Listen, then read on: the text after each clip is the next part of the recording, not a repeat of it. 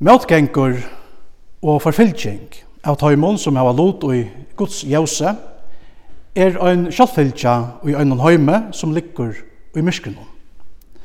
Tei forfylgt og Jesus og tauko han av døvun. Og som kristen døyla vi døysen kår saman vi Jesus.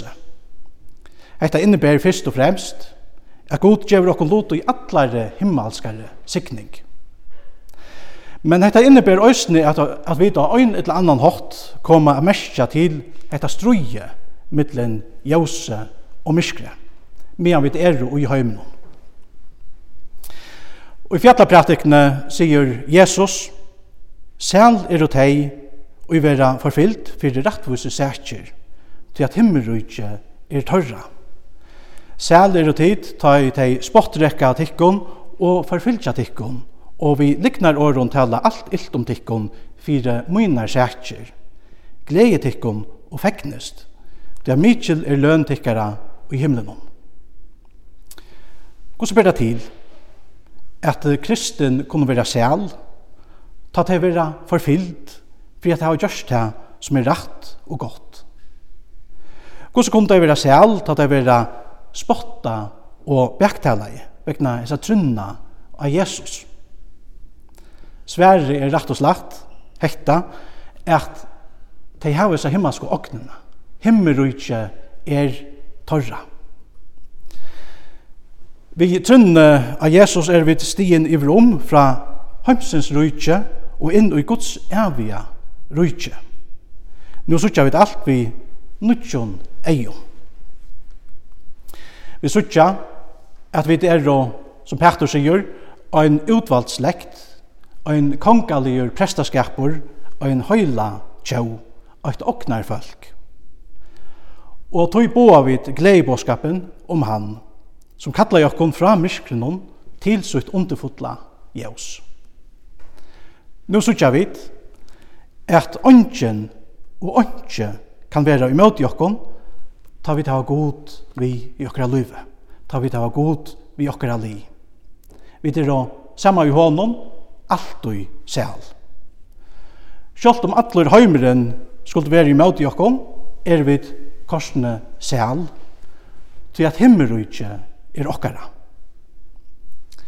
Begge forfylgjere og forfyllt heva sanna fer etter fer, at god er visun om bøttene.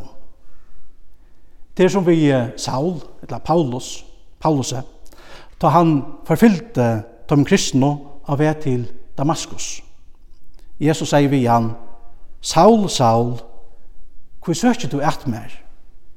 Torførst vil det her spennende med å til brotten om. Forfylkjer er, forfylkjer ikke bare mennesker, eller kristne mennesker. tar forfylkjer øsne sjølven Jesus, og strujast såleis øsne møte hinnom allmåttua gode. Tar først verur her er spenna mot det brotten hon. Hente her åringen er uh, myndamal som er brukt bæge i griskon og latunskon bøkmenton.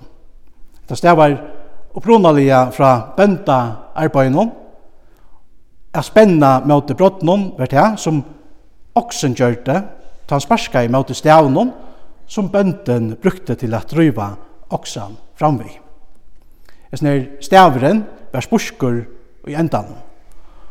Og jo meira oksen sparskaje, det større pyno fekk han. Er sånn her eh, brotteren var brukt og særlig til troskar oksar, som ikkje vildu gjera som bønden yngste.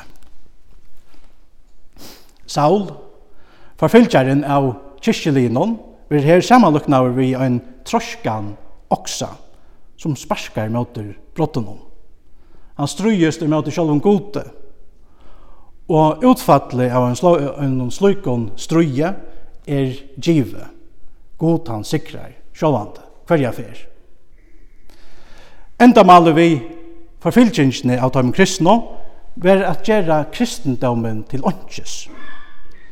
Men åndsjen er mentor at gjøre til åndsjes, som god til å sessa fire at gjøre. Det tåk Jesus av løyve, De forfylte tøymon kristne og tog også en teia løyve. De vildu gjøre kristendommen til åndkjes. Men, som det har sagt, blåe tja punslavattnon er saie tja kyrkjene. Det som skulle stekka utbrøsjene av gledebåskapnon og kristendommen som høylt, brukte god til at oppfylla fire jottanna og i uh, apostlasøvne. Her det stendur, Tid skulle være vittne møyne, sier Jesus via apostlene, tid skulle være vittne møyne bæge i Jerusalem, og i atlare Judeo og Samario, og lykka til ytst og endamarsk av hjørne. Vi at forfylkja dem kristne, bør å forfylkjerne, åttan av vilja der sjolver, vi til at brøya gleibåskapen, òsne, åttanfyrir Jerusalem, at brøya han ut vi tar at vi at vi tar forfylking, nemlig eh var årsøk til at dei kristne var spjatt om boja kvær. Så forfylkingen var årsøk til hetta at dei kristne var spjatt omkring boja kvær. Og så la oss brukte god enda forfylkjere av kyrkjelinnon til å fullføre sine egne misjon, som er at noe øll felkeslø vi gleder på skapene. Øysene tid skulle være vittne. Øysene tid skulle vittna, sier Jesus vi apostlene. Tar høyt og en større oppgave for framman. Nå skulle du tar færre ut til øll folkeslø at vittne om Jesus. Men dette var ikke en vittnesbord som han nekran hatt samsværer vi høymen. Etla så vidt jeg langt hava bie og i inngangskollekne, men jeg tror at heimeren ikke kan tåle henda vittnesboren, og tog stender hånden imot, bygger vi til, at du vil djeva fri med og treste, så at vi i øsne i ötlun møtgangje halda fast vi vittnesboren om te. Hetta bygger vi dekter. Luika av fyrstantøy hevda veri en djupor samanhengur mittlen vittnesboren om Jesus og lujingsna vekna hansara navn så sutja vi alla vegin oppi jöknon kyrkjesøvna. Hetta boar Jesus æsden lærersvønnen fra, fer etter fer. Han sier, vi langur fylgja mer, ta skal han avnokta sjálvan seg, og tekka opp krossun dagliga og fylgja mer, sier Jesus. Vi øron åron, sier han, at det kostar bægi så, og så at vera kristen, og at fylltja hon etter i hesten her løvnum i året og verste. Det kostar å bære hans navn som kristen og at vittne om han og i heimen. Vekna Jesu år, våre apostlene nå grøyer iver, at òsne tøyr for å møte motstøv. Lika som Jesus sier, møtt motstøv. Jesus, han, han har sagt av vittår, fram og undan. Ikke er tjenere større enn herre hans herre. Her var tøyr forfylt mer, munna til øysene færre at forfylgja tikkum. Og hetta samme er øysene galdande i det, rundt omkring allan heimen. Og i World Watch List 2021 forteller fellesskaperen Open Doors til dømes om de halvtrus landene og i heimenon her kristen opplever mest forfylging. Tølene i hessen her listan viser er mer enn 340 millioner kristen vera forfyllt. Så det er øyelig nekv. I fyrjon er vi nok så vel vært. Men i okkara granna London vera kristen nu òsni handtidjen fri a boa enda båskapen, som heimren ikkje tåler. 23. april var 71 år gamle prætikumævren John Sherwood til dømes handtidjen i London. Det at han tala om den uh, bibelska båskapen, om Guds av menneskene som mann og kvinne ut fra 1. Mosebok kapittel 8. I Finland er en, kristna, en kristen kvinne og en politiker eh, som øyder Pavi Razanen, øyne høyt vi fangstosrefsing av så årsøk. Så dette er nok så takt på oss, korsene.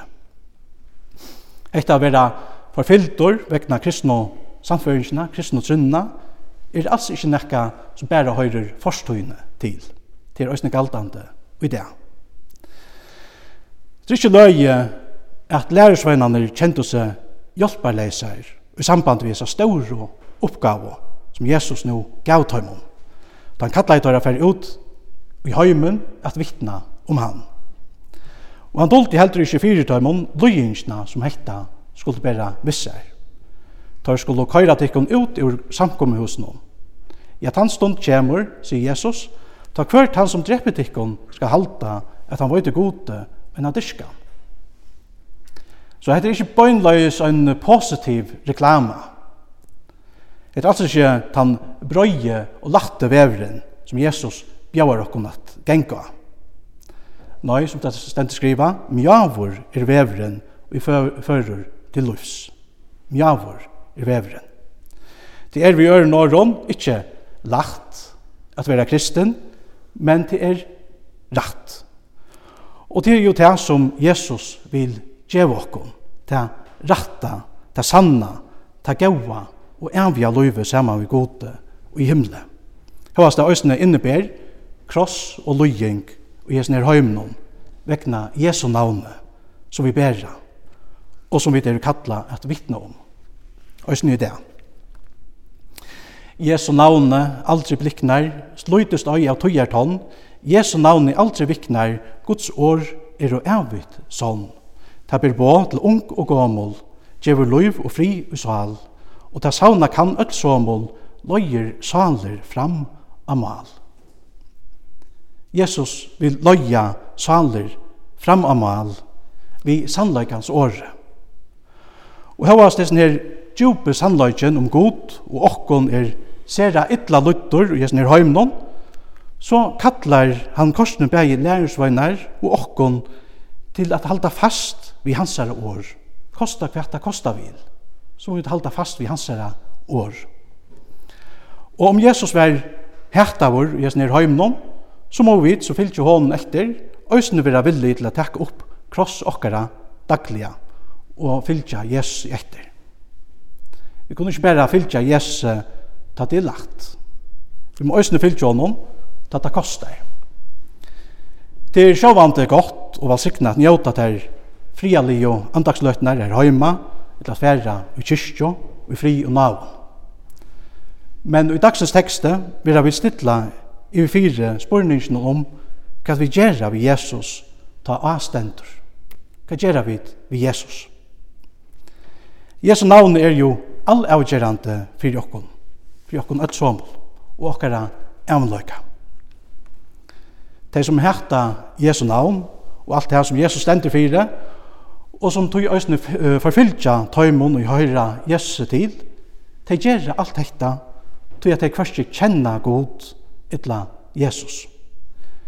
Men de kristne kjenna her at møte bæg god og Jesus og øya og i hesen her kjennskap noen sjálva frelsina til en frelsande kjennskaper, å kjenne Jesus.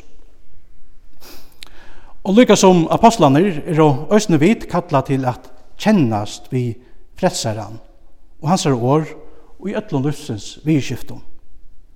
Det er nok så alvarsamt. Det at Jesus han sier jo einastane Hvert han og vil kjennast vi med fyrir mannen, han vil òsne er kjennast vi fyrir fægirmøynen som er i himmelen. Men hvert han og jeg noktar med fyrir mannen, han vil også jeg er nokta fyrir fjærmunnen, som er i himmelen. Øtel damer vi sjåvante vi alle vera gautidgen og elska av øron menneskjon. Og nekva okkon tekka den er, ta onkur finnes det eit okkon. Ongen av okkon vil vera spottavur og vannvirdur. Men öll kristen sleppa korsene og ein eller annan hårt at oppleva just det, om ein djevor til kjennar, at ein er kristen og at ein ikke fylgja Jesu i året og verste i hesten her heimnum, i hesten her løvnum. Ta ein, så å sija, tauna rønt flagg, ta kan ein òsne vanta eit attersvær, heimsins attersvær, som Paulus òsne løser, ta han sier at år krossens er dorskapur fyrir tøymon som glættast. I heimsens eion er det altså buktislikt at fylgja som Jesus er. Og heimsens møtvilje, motviljes Jesus er, kommer tog oss til kjøntar av ein eller annan, annan hatt.